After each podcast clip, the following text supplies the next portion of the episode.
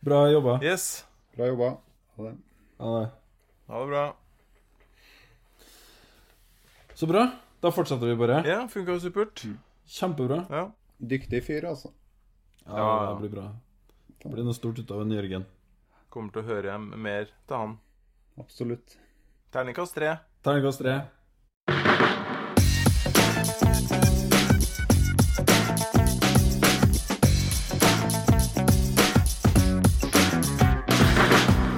Du hører på Psykologlunsj, populærvitenskapelig lunsjprat med psykologene Tommy, Jonas og Jan Ole.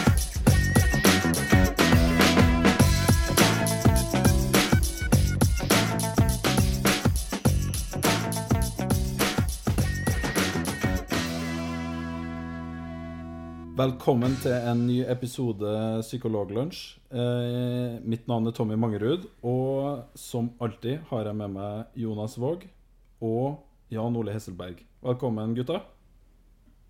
Takk for det. Plopp. Har dere det bra? Vi har det bra. Ja, men det er bra. Eh, I dag har vi eh, gjort noe så spesielt som å eh, ta med oss en gjest. Vi, vi er ikke bare tre psykologer, psykologinteresserte studerende folk, men vi har med oss en, eh, en student fra profesjonsstudiet ved NTNU. Vi har med en godeste Jørgen Flor. Velkommen, Jørgen. Takk for det. takk for det. Det er veldig hyggelig å ha deg med som gjest. gjest. -hmm. Det er hyggelig å få være her òg. Vi har jo Jørgen primært med fordi eh, Jonas nå nærmer seg en ferdig doktorgrad. Ja. Så vi må ha noen som vi fyller på nederst på rangstigen. Det er viktig. Det er veldig viktig. Selv om, selv om jeg tror alle er enige om at uh, Jørgen kommer til å passere oss alle uh, veldig kjapt. Det spørs. Uh, og det skal han snakke litt grann om i dag, faktisk. Det skal han gjøre. Det skal han gjøre. Vi skal, I dag så skal vi ha um, tre tema. Vi skal, først skal vi høre, snakke litt mer med Jørgen, for han har uh, både én og to uh, viktige ting å fortelle oss. Og så har uh, både Jan Ole og Jørg, eh, Jonas en eh, sak hver, som vi skal inn på etterpå. Eh, det aller første egentlig jeg hadde litt lyst til å spørre eh, Eller si, be deg å snakke litt om, Jørgen, det at eh, Jan Ole har ganske rett i at eh, du kanskje går forbi oss, fordi eh, du er den eneste eh, i det opptaket her i kveld som har blitt omtalt og vært med og bidratt i en, en, en tekst som har stått i Psychology Today. Ja. ehm, jeg vet ikke om jeg går forbi dere med det første, da, men jeg har fått litt hjelp til å, til å få Hva skal vi si? Hovedoppgaven min på Eller starten på hovedoppgaven min på trykk i eh, Psychology Today og Huffington Post. Og nå da også Psychiatric Times. Ja, Så det er veldig morsomt. Det er ganske stas, da. Det, det, for det er jo ikke hvilket som helst tema du eh, skriver om, siden eh, alle de her har vært interessert. Du skriver om negative effekter av terapi. Ja, det er jo egentlig å, å kanskje sparke opp og åpne dører. Jeg tror det egentlig er, kjent, men det er ikke så mye snakk om det, i hvert fall. At eh, av og til så går, så går samtaleterapi ganske dårlig. Jeg er ikke så, jeg er ikke så veldig sikker på at de dørene er så voldsomt åpne, men øh, kanskje. Hva var det som eh, gjorde at du fant ut at det her var noe interessant? Jeg har, jeg har på en måte vært innom det litt sånn av og på gjennom studiet. Ikke fordi at vi har fått undervisning i det, for det har vi jo egentlig ikke. Eh, Men eh, det var vel først og fremst eh, Det var to år siden Helge Holgersen som holdt et symposium på psykologkongressen i Oslo om samme tema. da. Da, da kom det en del folk på det symposiet, og det var, det var en del aktivitet. Men det var første gang jeg hørte om det en sånn, i, i hvert fall i en norsk setting. da. Så hva er det du har eh, Hva er det du har funnet ut så langt? Hva er det du har skrevet om, eller hva er det du har eh, er, Fins det negative effekter av terapi? Definitivt. Eh, Jeg har funnet ut at det har jo vært masse god behandlingsforskning. Eh, Det vet vi jo. Det har jo Jeg skulle ikke si Dere hadde jo Truls og Joar og gutta der på besøk, og, og det har jo vært my veldig mye bra psykoterapiforskning. Men eh, ikke så veldig mye på når det går gærent. da. Eh, sånn at empirien er jo eh, litt vanskelig å få grep på. Det er veldig stor variasjon òg. Eh, men ja, 3-15% av alle, av alle eh, terapier eh, antar man at går gærent. da. Og faktisk gir forverring. Ja, på grunn av terapien. Mm. Her Ja. får vi jo selvfølgelig det store problemet da, med å, sånn som vi vel har i vanlig psykoterapiforskning òg, eh, nemlig å fastslå hva er høna og egget. Hva er det som er årsaken, egentlig. Eh, Ja. Så det er litt sånn, Man er ikke engang helt enig om hvordan man skal definere det her med negative utfall heller, da. Så det blir jo veldig på estimat, men det eksisterer jo definitivt et fenomen der. Ikke sant? Og det er jo i hvert fall når man har fått uh, dokumentert uh, at terapi eh, virker, og at uh, terapeuten og det den gjør, har en effekt på pasienten, så er det jo er det liksom veldig rart å tenke seg at det bare er mulig å få ut positive effekter av det. Det ville vært veldig rart. Så det er jo et ganske stort paradoks at man aldri har sett på det når man er så besatt på å beskrive det i andre sfærer, f.eks. innenfor medisinen. Der er jo medisinen og legevitenskapen foran oss, egentlig. da, Både med etiske retningslinjer og krav til rapportering og i hele tatt. Eh, Vi liker jo kanskje å tro at eh, vi holder bare på med ei oppside, men, men som du sier, så har vi først en effektiv behandling, så skulle vi forvente at den også er effektiv i, i negativ forstand. da. At den har effekt begge veier. Du har jo eh, i, i den eh, I Psychology Today så beskriver du jo at det finnes to Eller beskrev du to ulike måter de her negative effektene kunne forekomme på. Det ene var at eh, problemene som allerede er til stede, altså depresjon eller angst, alle blir verre. Altså at terapien ikke har noe gunstig effekt, men at pasienten blir verre med det en kommer til behandling for. Og den andre var at eh, man får nye problem. Det er jo en overforenkling, selvfølgelig, men, eh, men det gir jo god mening å, å kategorisere det på denne måten. Da, at eh, du kan jo ende opp med å få nye problemer som du ikke hadde i utgangspunktet. Om det er nye symptomer. Altså en, en, si en klassiker er vel det å bli avhengig av terapeuten. Det må jo være en utfordring, ser jeg for meg, i, i nesten all klinisk praksis. I hvert fall når du har pasientforløp som varer over litt tid. da, at eh, Pasienten skal jo til syvende og sist ut og fungere i en verden utafor terapirommet, sånn at eh, man ikke blir for avhengig av det som foregår der. Så Det ser jeg for meg kan, kan være et litt sånn en, en utfordring som, som kanskje det også er høy bevissthet på. Jeg vet ikke. Ja, det noen ganger kan være vanskelig å oppdage da, kanskje. Mm.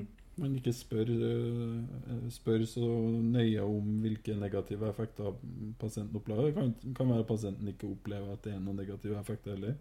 Og så er det jo litt sånn som det har vært på hvis du får en, en pasient som blir mer eh, Man blir mer selvhevdende, og man, eh, man blir trygge på seg sjøl og, og kanskje kommer fram en litt sånn tøffere side, så kan jo det gå utover partneren hjem, eller man kan få på en måte negative effekter som ikke eh, er så direkte negativt på pasienten, men mer på pasientens omgivelser, eller kanskje man eh, man drar hjem og, og skiller seg, eller man eh, sier opp jobben, eller eh, Det er sånne type effekter også, da. Så det er jo et veld, det er jo et sånn grads eh, Det er mye gradsforskjeller her, da. Jeg vet ikke om du Et tema som vi har sånn, diskutert uh, litt grann med Joar Røverås Halvorsen også. Han er jo også interessert i det her som uh, tema. Men det, det var jo dette med retraumatisering i, i behandling. Altså når, når uh, pasienter kommer inn for traumer. At, man, at du møter en behandler som i litt for stor grad graver i de traumene og ber pasienten gjenoppleve de traumene. Eh, det er jo noe som eh, har fått litt eh, medieoppmerksomhet også. Ja, definitivt. Eh, Det har jo vært en del diskusjon om traumetilbudet i, i si her i Sørtelag òg, uten at jeg tør å uttale meg for mye om det. Så, og det har vel også, jeg, jeg har jo ikke gått så veldig mye inn på detaljene her, sånn, men, men det er vel sånn at hvis man, man kan risikere å gjøre en del traumebehandling for tidlig også, før, eh, før eh, Og da hindrer mer naturlige prosesser. Mm.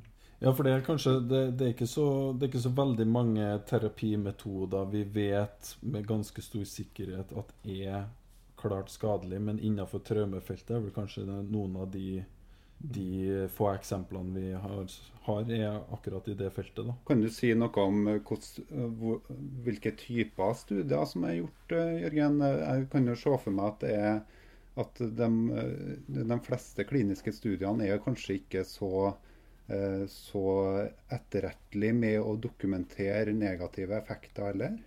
Absolutt. Altså, når det er så lite antall studier, og spesielt empiriske studier, da, eh, så blir jo datagrunnlaget ganske dårlig. Eh, Det som jeg sitter i den, eh, i den teksten på Huffington Post og Psychology Today og sånn, det er jo noe som jeg blant bl.a. Michael Lambert har vært med på. eh, Hvor man har gjort, gått gjennom utfallsdatabaser, da, hvor gjerne klinikerne har sendt inn utfallsmål inntil et eh, Jeg kjenner ikke detaljene i det der, om det er et eh, selskap som gjør det, eller hvordan det fungerer. Men da har man i hvert fall en stor databasebank å gå gjennom. eh, Og, og da får man en del tall. Men, men det er få studier. eh, Men de studiene som finnes, der, der ligger det sånn pluss-minus 10% altså, forverring. Og da er det jo ikke non-respons, men da er det faktisk eh, at du blir dårligere. Ja. Og, og du kan jo se for deg eh, mange av dem som eh, bare dokumenteres som dropout-pasienter. Eh, I dem, blant de gruppene så må det jo finnes en god del informasjon som sier noe om negative effekter av terapi også. Ja, absolutt. Ehm, Jeg hadde jo skutt si drømmen min på hovedoppgave. Det, det er jo bare 30 studiepoeng, men drømmen min var jo å gjøre, finne litt mer ut om mekanismer. da. Jeg tror det at Hva er det som faktisk foregår i, i terapirommet som kan være skadelig? Jeg tror det er informasjon som kunne ha ført all eh, behandlingsforskning videre. At vi har gått kanskje litt i stå på å se på positive effekter, men hvis vi kan ta bort eller finne ut av dem med negative, så kan vi styrke behandlinga mye mer. Mm. Og du, det, det, En annen ting som du da er inne på i den, eh, i den artikkelen som jeg leste òg, det var jo det her med at det, det er vanskelig for terapeuter å finne ut av når de har eh, Altså det er vanskelig for å identifisere de pasientene som, det, som blir dårligere. Mm. og hvordan, Det gjør det jo ikke så lett å finne ut av om hva er det som går gærent, når man rett og slett er dårlig til å identifisere at det går gærent. Ja, det er jo, jeg skulle til å si Psykologer er utsatt for de samme biasene og skjevhetene som eh, alle andre. Så det er jo ikke lett å, å sitte oppi et terapiløp og, og gjenkjenne, vil jeg tro, da, eh, når det er i ferd med å gå gærent. Der har, jo, eh, der har det jo kommet en del verktøy, og det er jo for så vidt eh, det er det en del som har kommentert til meg òg, at eh, hvorfor fokusere på de her negative utfallene når vi har egentlig løsningen på det. Og løsningen er jo ofte feedback, da, å bruke systemer for å for å så systematisere det her, så det ikke bare er basert på klinisk skjønn. da. Det høres nok ut som en god idé, det. For vi vet jo litt om det. Om det vårt, våre egne skjønnsmessige vurderinger ikke trenger å være så bra. Med mindre, med mindre det er sånn at eh, eh, den stadige oppfordringen til å fylle ut skjemaer for pasientene er årsaken til at det går skeis, da. Godt Da har du et problem. Du må lese eh, boka til Birgit Walla. Jan Ole, der tar jeg opp en del av de innvendingene da, mot uh, mer skjema i terapi. Ja, ok, det skal jeg sjekke ut. Men uh, i, en, uh, i en klinisk hverdag i en offentlig uh, poliklinikk, da, eh, hvor Tommy er leder, eh, så, så er det jo sånn at eh, behandlerne ofte måles på antall konsultasjoner og antall nyoppstarta pasienter og antall avslutta pasienter. Og hvis du har en dropout-pasient, så avslutter du jo pasienten, og på papiret så virker jo det som, en, eh, som et positivt terapiløp. Eh, Så vi har jo veldig få systemer som fanger opp hva det er egentlig som skjer med de pasientene som slutter i terapiløp hos oss. Og vi går ikke så nøye gjennom i sømmene hva, hva var det egentlig vi gjorde feil i det løpet, eller hva kunne vi gjort annerledes. Så den forskninga eller eh, den eh, oppgaven du skriver, er jo veldig nyttig for, eh, for oss som jobber klinisk ved et DPS. Jeg tror det er viktig forskning. Om ikke det jeg gjør, så tror jeg den bevisstheten Det er egentlig litt skremmende, syns jeg. da, Det er litt skummelt. Man skal ikke bli moralistisk, for tross alt så går det jo stort sett veldig bra. Men, men det er litt skremmende at det ikke er mer fokus og høyere bevissthet på akkurat det her, altså. Men det, det, er nok jeg, jeg, tror nok Jonas har et veldig godt poeng der i at altså systemene er litt sånn rigga for uh, at man uh, ikke har insentiver for å fokusere på det. Uh, så verken, verken, ledelse eller behandler får i en klinisk hverdag noe veldig positivt ut av å prøve å finne ut av nettopp dette. Mm. Eller ha, ha interesse for det. Og det er veldig, veldig synd. Jeg tror jo mange, mange behandlere bryr seg om det som et tema. Men så sitter man i et system som i liten grad eh, verdsetter refleksjoner eh, rundt det. Uh, så det Hvis vi skal tenke kvalitet på behandling, så er det jo helt åpenbart at dette er et tema som må løftes opp, og som alltid må være framme. Mm. Mm. Jeg får, får, meg til å tenke på at altså, man sier at det ikke er noen kvali ordentlige kvalitetsindikatorer i psykisk helsevern. Og kanskje et sånt et skikkelig feedback-system kunne ha vært en, en i hvert fall en begynnelse på å utvikle det. da. Mm. Så det du prøver å si, er at uh, antall konsultasjoner og, uh, og varighet på behandling ikke er en optimal kvalitetsindikator? Eh, nå har jo ikke jeg veldig mye klinisk erfaring, da, så, men det høres jo kanskje litt sånn ut. Du må ikke glemme epikrisetid, Jan Ole. Epikrisetid. Ja, Nå skal vi ikke gå inn i hva kvalitetsindikatorene er her, men jeg syns jo at epikrisetid ikke nødvendigvis er det verste, da. Det er jo, er jo lurt å kanskje ha fokus på det, rask tilbakemelding. Det er, mener jeg absolutt hører hjemme som en indikator.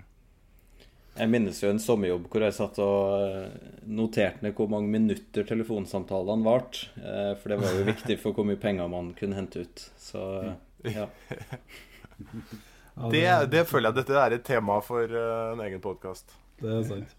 Veldig bra. Men um, vi, vi, vi, ønsker deg lykke til videre med denne hovedoppgaven, Jørgen. Og håper at, uh, håper at uh, du blir ferdig med den til tiden som du har satt deg, og den er tilgjengelig for alle oss andre, så vi får lest den nå. Mm. Takk for det. Takk for det. Vi skal ha deg med litt videre, for vi, vi, har litt lyst til at du skal hjelpe oss å si noe annet også. Eh, fordi mm. du eh, er også, i tillegg til at du eh, går rundt og blir eh, omtalt i Psychology Today, så er du også en av eh, de motorene bak et eh, enormt engasjement ved Psykologisk institutt, som drar i gang noe som heter Psykologidagene en gang i året. Det er jo eh, vi, vi, er jo ikke helt enige med oss sjøl om det er fjerde eller femte gangen vi arrangerer det, da, men det er i hvert fall fjerde gangen i formen, formen her. Nå har vi fått til to dager, 12. og 13. mars.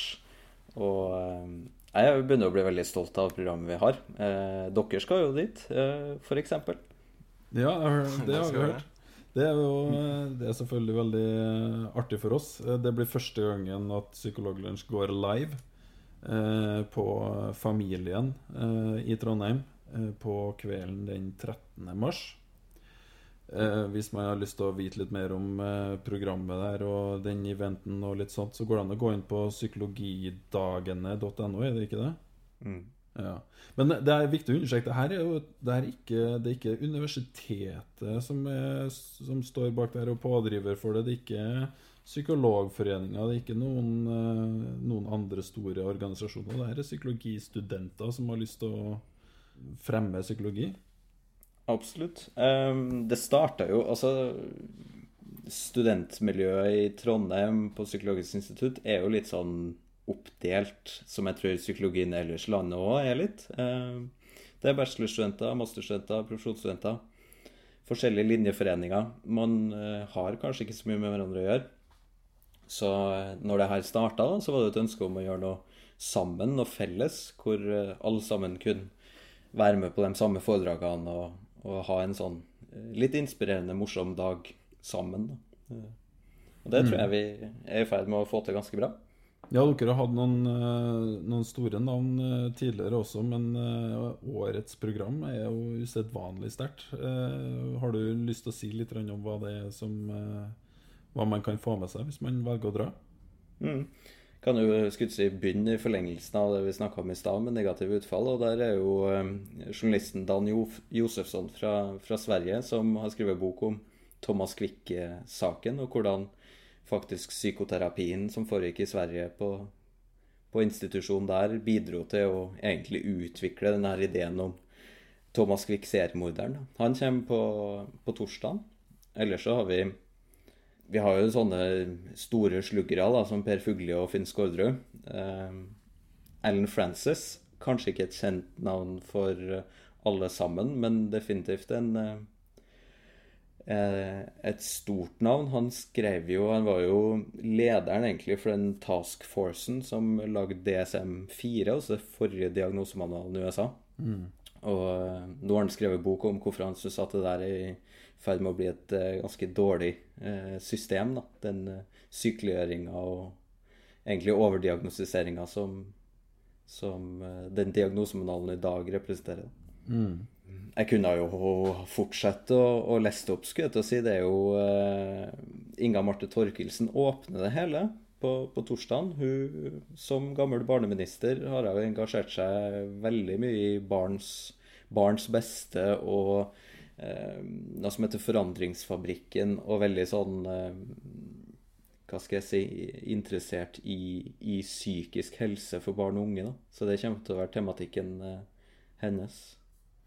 Dere har jo en, eh, en 15, omtrent 15 navn eller sånt, noe som står på denne plakaten, så det er jo to helt smekkfulle dager. Ja, eh, det er nok å Det bør være noe for enhver smak. Eh, Det programmet, altså Alle bør gå inn og sjekke det, enten du er eh, psykologistudent, psykolog eller bare eh, vanlig person i gata. For det som er, jeg synes er veldig veldig spesielt med det programmet, her, at det er litt sånn, er litt sånn en godtepose med masse bra folk som er interessante eh, både for eh, folk innenfor faget, men som også bør være interessante for, eh, for menigmann eller lekfolk. da.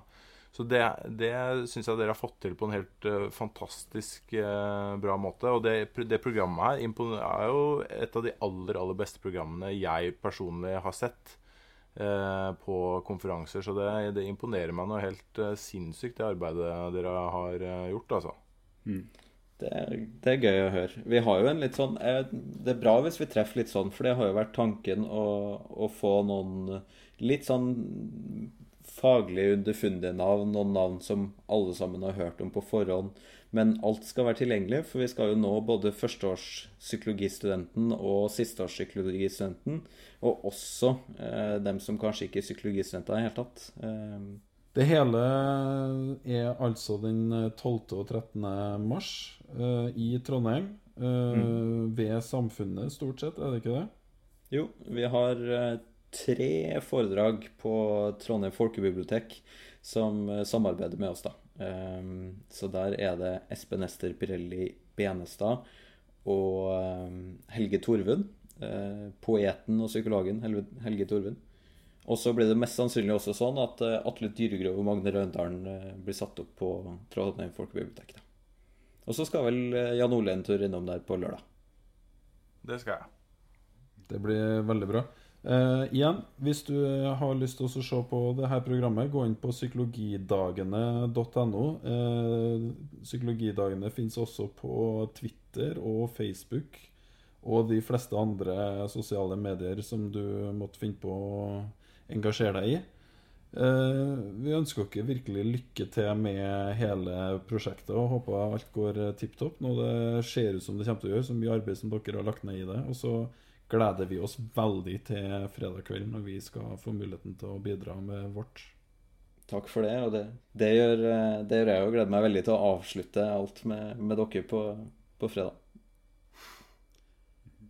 Det var jo eh, veldig hyggelig å ha han eh, Jørgen med oss, da. Veldig sympatisk og, og eh, oppegående fyr. Så det kommer til å komme mye bra ut av en Jørgen. Terningkast tre.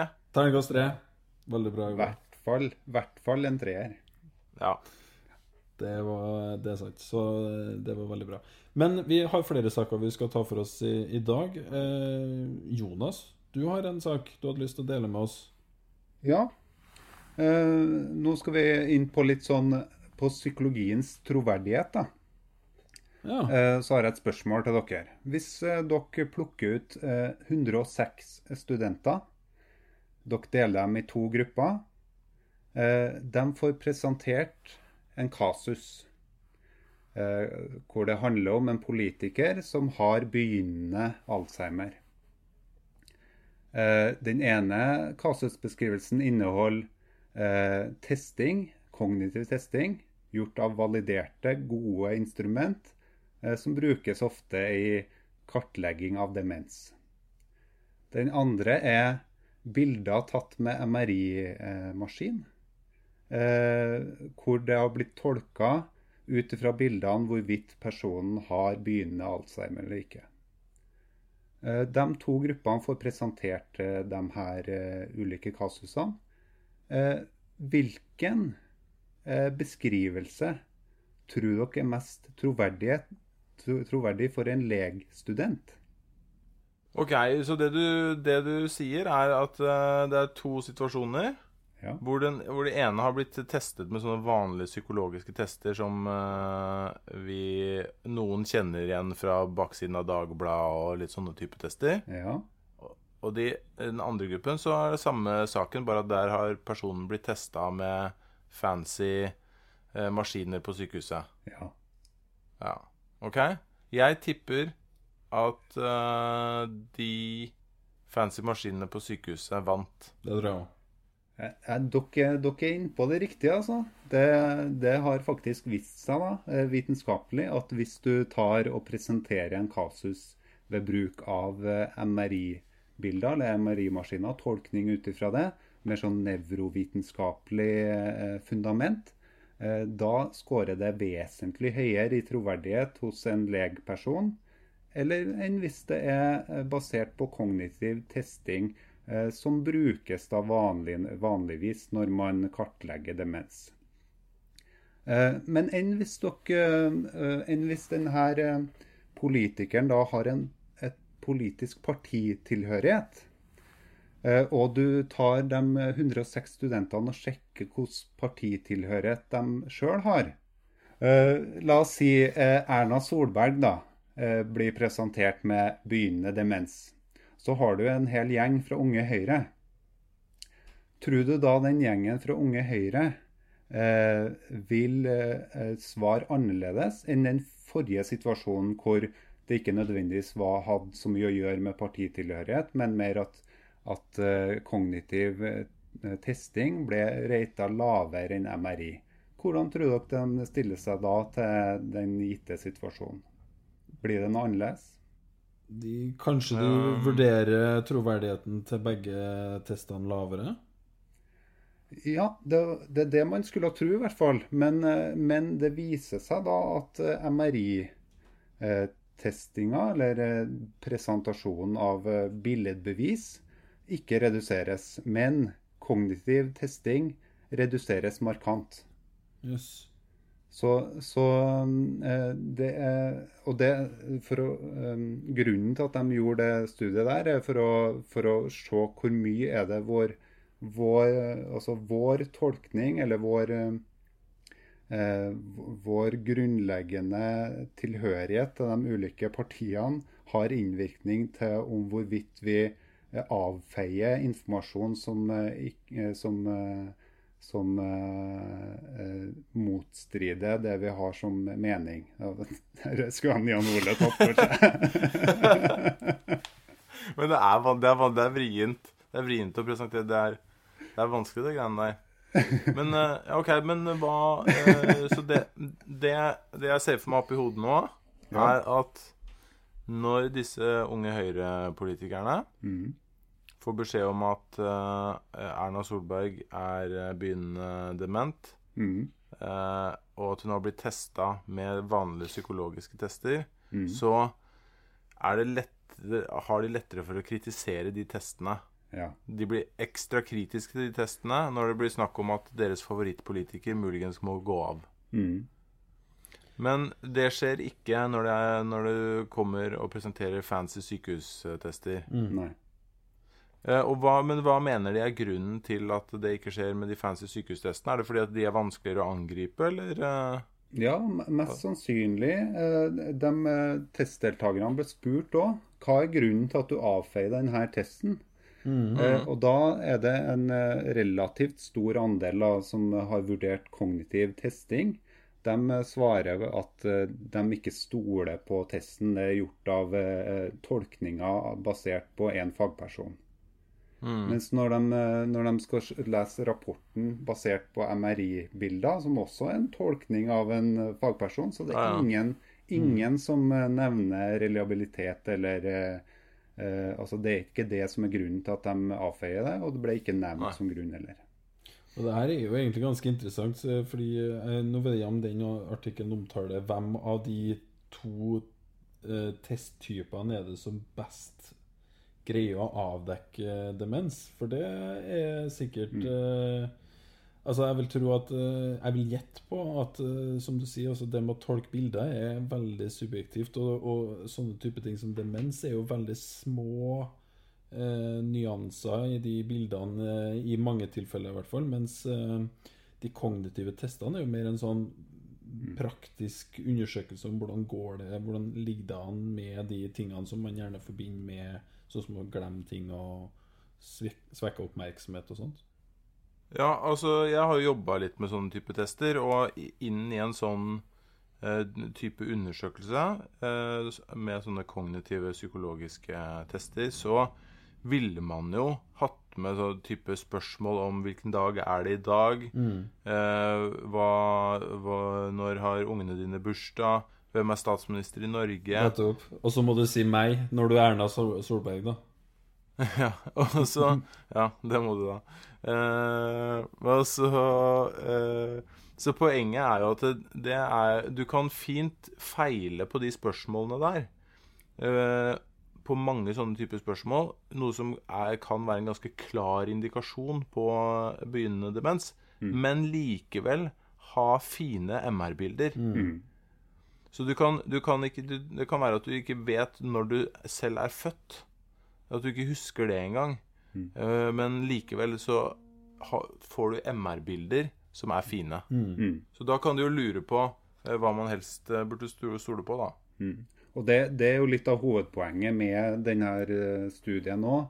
Og, og det de tar for seg i diskusjonsdelen, at det er kognitiv testing da, som er, eh, som er det, det vanlige, og det, det kanskje det som er mest å stole på da, i begynnende demens.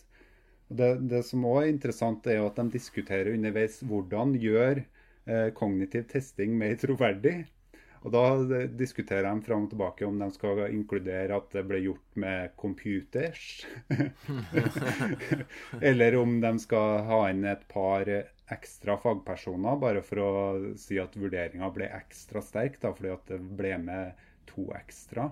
Eh, Eller at det ble- var en, et panel av fagpersoner som, eh, som gjorde denne eh, vurderinga. Eh, så, så det, eh, det de forsøker å, å diskutere i etterkant, er hvordan gjør psykologisk eller eh, mer eh, atferdsvitenskapelig forskning og kognitiv psykologisk vurdering mer troverdig kontra mer nevrovitenskapelig eh, analysenivå. Da. Så det, så det Jeg, jeg syns det var en, en ganske interessant studie, fordi at den, den penser jo innpå eh, eh, skillelinja skillelinjer mellom eh, det som man kan kalle nevrobabbel, eh, kontra, eh, kontra psykobabbel, som en eh, Jan Ole var inne på. Ja, så er det jo, jeg tenker det, Selv om det ikke er helt samme sak, det toucher litt inn på det her som, um, som vi vet eh, i forbindelse med placeboeffekten, eller placeboeffektene også. Det her med at uh, uh, ulike typer intervensjoner når man gir sukkerpiller, eller altså virkningsløs, uh, virkningsløse medisiner, hvilken form og farge det kommer i, er ganske viktig. Altså, en sprøyte er mer potent enn en tablett, f.eks. En stor tablett er mer potent enn en liten tablett, osv. Så videre. sånn at eh, det er litt sånn eh, med de tingene her òg, tror jeg, at eh, hvilken form og farge det kommer i, påvirker nok litt hvor troverdig man eh, mener det, og hvor mye man tror, tror Hvor mye man føler det virker, da. Mm. Så tror jeg det er mye enklere for oss å diskutere mot en person som har gjort en vurdering, enn å diskutere mot en maskin som har, eh, som har tatt et bilde, eller, eh, eller en Det, det jo, jamføres jo med den datamaskinen som gjør testinga. og Hvis det har vært en datamaskin som hadde kommet ut med, med et resultat, så er det mye vanskeligere å diskutere med det. Så tror jeg nok at vi har en liten som iboende bias mot visuelle ting. At vi, et bilde som vi kan se med øya våre, eh, har, har, nok en større påvirkning enn ting vi hører i øret. da, Når at vi får det forklart, lest opp en tekst at jo, du gjorde sånn og sånn på den testen her. Så, så konklusjonen må være at når du gjør de her testene dine, Jan Ole, så er det veldig viktig å lage en graf etterpå. Som du kan vise fra. Ja, men det gjør jeg. Eh, et, du kjenner jo meg. Et bilde. Det gjør du, ja. Her har du, her har du et Excel-ark med samla eh, resultatene dine, og grafer oh, yes. og stolper i alle mulige farger. Ja, det, det, er akkurat sånn det er. Sånn er det. Men eh, Jan Ole, vi, skal, vi, vi, tar og går videre til neste tema. Eh, for vi har så mye vi gjerne ville ha fortalt dere i dag, eh, folkens. Eh, takk for det, Jonas. Jan Ole, hva vil du si om uh, selvhjelpslitteraturen som uh, er tilgjengelig på markedet? Ja, altså i, i, forrige episode så hadde vi jo en liten diskusjon, eh, en ganske lang diskusjon rundt dette med, med, dette med selvhjelpslitteraturen, etter at den danske professoren ved navn Brinkmann han har skrevet en bok som heter 'Stå imot', og så var han på Skavlan og snakket om at vi burde tenke litt mer anti-selvhjelp. At vi ikke skal ha så mye fokus på at vi skal bli mye bedre. Eh, så det har vært ganske mye fokus på, på, det. I tillegg så er det en som heter norsk psykolog og filosof som heter Ole Jakob Madsen, som har eh, skrevet en bok som heter 'Det er innover vi må gå'. Som også har vært litt ute i media og kritisert selvhjelpslitteraturen. Og da nærmere bestemt norsk selvhjelpslitteratur. Og så dukket det eh, plutselig opp eh, i eh, For et par dager siden så dukket det opp en artikkel eh, i Bodø Nu eh, med psykolog Pål Johan Karlsen, som er, er jo vår redaktør. Han har jeg hørt om. Mm. Han har du hørt om. Han er redaktør for nettstedet psykologisk.no, hvor eh, vi tre har vår spalte, Gutta fra Psykologlunsj og hvor Psykologlunsj også publiseres. Eh, og eh, intervjuet med han så er overskriften 'Går til angrep på psykologsnobbene'.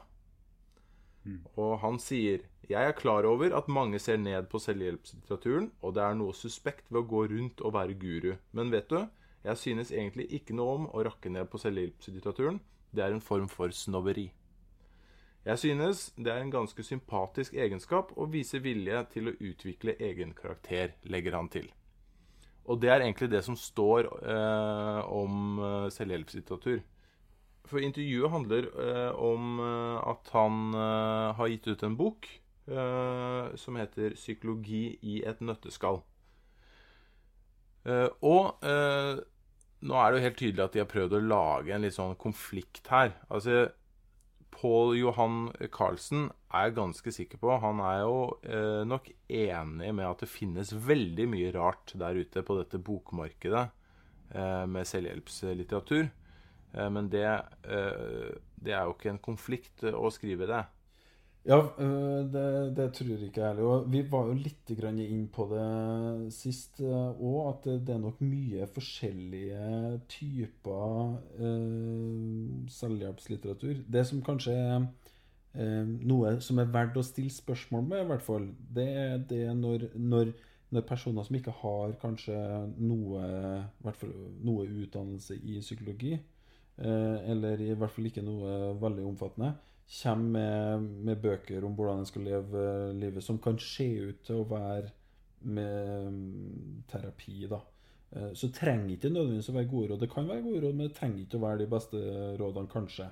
Så at det er forskjellige Mm. typer her. Og det som, det som Pål eh, Johan Karlsen er veldig opptatt av, som jeg tror vi kan skrive under også at vi er veldig opptatt av, er jo at man er veldig opptatt av å fremme psykologi som fag. Eh, For det er jo ganske mye han, I boka si så har han eh, 58 fakta om psyken, eh, som jeg er helt sikker på er kjempegode eh, innspill. eh, som Absolutt. eh, mange vil ha nytte av å lese litt om. Og det er jo Altså, Pål Johan er jo opptatt av at disse tingene dokumenteres, sånn at det er litt sånn ja, At han snakker om forskning også. Forskning viser disse tingene. Han er, han er ganske etterrettelig på det. Mm. Og, og det, det som er mitt da, problem, mitt helt personlige problem med selvhjelpslitteraturen, er at det er veldig, veldig mange der som eh, lover altfor mye. Eh, som at det, dette her kommer til å forandre deg eh, ganske kjapt og enkelt. Eh, det er det ene. De lover for mye. Og så sykeliggjør de, synes jeg, mange normale fenomener. Eh, og så, for det tredje, så er en del av det de sier, direkte feil, da. Eh, og det har jeg tenkt litt på at f.eks. En, en ting som fremheves i veldig mange sånne selvhjelpsbøker, som ofte er skrevet av siviløkonomer, er at de Du skal si positive ting til deg selv. Det er en sånn eh, standardstrategi. Mm.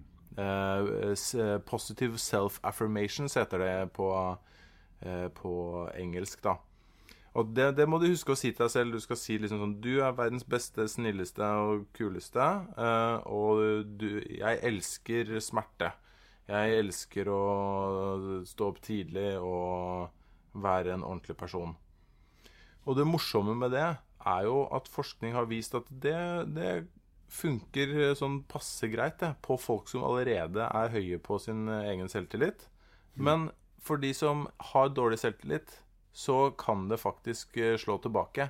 For det du gjør, som vi snakket om litt grann eh, sist også, er at du, du påminnes egentlig, når du driver og sier det til deg selv hele tiden, så påminnes du at eh, du er en sånn type som må si sånne ting til deg selv. Og, eh, så du bare husker egentlig bare litt oftere på at du eh, har litt dårlig selvtillit. Og så, og så Så- høres, høres det rådet ganske likt ut som, som det som er kanskje et mer, et eh, mer eh, empirisk, eller i hvert fall eh, teoretisk fundert råd, som er, handler om at pass på å ikke rakne for mye på deg sjøl. Forsøk å, for, forsøk å arrestere deg sjøl litt når du, når du begynner med å rakne altfor mye på deg sjøl. Gi deg sjøl uh, et lite klapp på skuldra og, og, og tenk at uh, dette her uh, kommer, kommer til å gå over. Ikke, ikke sette i gang med den negative ned, nedrakkinga av deg sjøl. Det, Ja. veldig, det høres veldig likt ut som, som å drive og snakke positivt til seg sjøl, men da, da presser du deg sjøl til, å- til å omtale deg sjøl som noe du ikke føler at du er. Mens, Ja. mens, eh, mens når du arresterer deg sjøl i å, å drive og rakke ned på deg sjøl, så gjør du noe annet. Da, da, da bare slutter du med en aktivitet som du merker bare gjør deg verre og verre og verre. Så, den, eh, så, så det, det er veldig mange sånne typer råd som, som høres ut som, an, eh, som, som funderte, altså godt gjennomtenkte råd, som ikke er det i, i virkeligheten. Da. Fordi eh, vår kjære Jonas eh, Våg eh, er jo faktisk en av de som har kommet med en del sånne råd på psykologisk.no, faktisk, i form av bl.a. hva man skal gjøre med bekymringene sine. Så, og der, ikke sant, igjen er det sånn at du har jo et, et eh, både en fagbakgrunn, men også et eh, empirisk grunnlag du støtter deg på når du, når du har skrevet de rådene, sånn som Pål Johan har gjort. Men, men jeg, jeg kan jo, også den snobberidebatten den kan man jo se igjen eh, fra når eh, f.eks. kognitiv terapi eh, eh, hadde starta med å komme på banen. Da, da var det jo et, et skille mellom kanskje terapeuten som mer sånn allvitende person, eh, mot eh, kognitiv terapi, eller eh, også humanistisk type terapi, da, som, som hadde helt, en, en, annen maktbalanse da, i terapirommet først. Eh, sånn, at, sånn at Snobberiet tror jeg nok òg altså Opplevelsen av at det er et snobberi, handler vel om at det er noen som tror at de er allvitere. Eh, men Eh, men eh, jeg tror, altså, jeg, jeg tror, ikke at den kritikken av selvhjelpslitteraturen, eller i hvert fall ikke sånn fra vår eh, del Det handler ikke, at, handler ikke om at vi tenker at vi vet så utrolig mye bedre enn de selvhjelpsbøkene, men det er at de selvhjelpsbøkene selger et budskap som er ikke etterrettelig. da. Så vi er veldig for det med deling av psykologien, og at det kan gjøres på enklest mulig måte. da. Jeg, eh, jeg skal jo eh, neste, eh, neste psykologlunsj så skal vi få høre et intervju som jeg skal gjøre med Ole Jakob Madsen, som er en av de som har gått litt kritisk ut mot selvhjelpslitteraturen. Så da, jeg, da kan jeg jo ta med dette snobberiinnspillet, som jeg, jeg liker godt at Pål Johan har kommet med det innspillet. Mm. Mm. Så skal jeg ta med det til eh, Ole Jakob uh, Madsen, og så høre litt uh, hva han tenker om det. Og jeg vil anta at de nok ikke står så langt fra hverandre som man skulle tro. Da ser det altså ut til at vi muligens får en trilogi eh, om selvhjelpslitteratur i, i Psykologlunsj, eh, hvis du får gjort det. Så da er vi veldig spent på å høre hva Madsen sier om de tingene her òg. Uansett, Psykologlunsj er omsider over for denne gang. Eh, ikke glem å stikke innom psykologidagene.no og sjekke ut om du eh, kanskje kunne tenkt deg å ta turen eh, på Samfunnet eller biblioteket i Trondheim. Eh, og ikke glem Familien ved, i Trondheim eh, fredag den 13. på kvelden.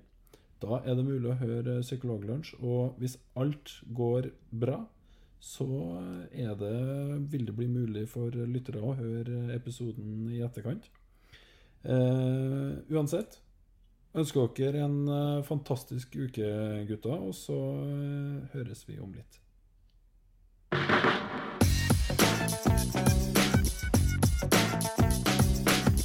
Du har nå lytta til Psykologlunsj. Har du noen spørsmål, kan du søke opp Psykologlunsj på Twitter, eller du kan sende en e-post til psykologlunsj alfakrøll.gmail.com. Mer informasjon om temaet du har hørt i dag, finner du på psykologibloggen.no og tankesmed.no.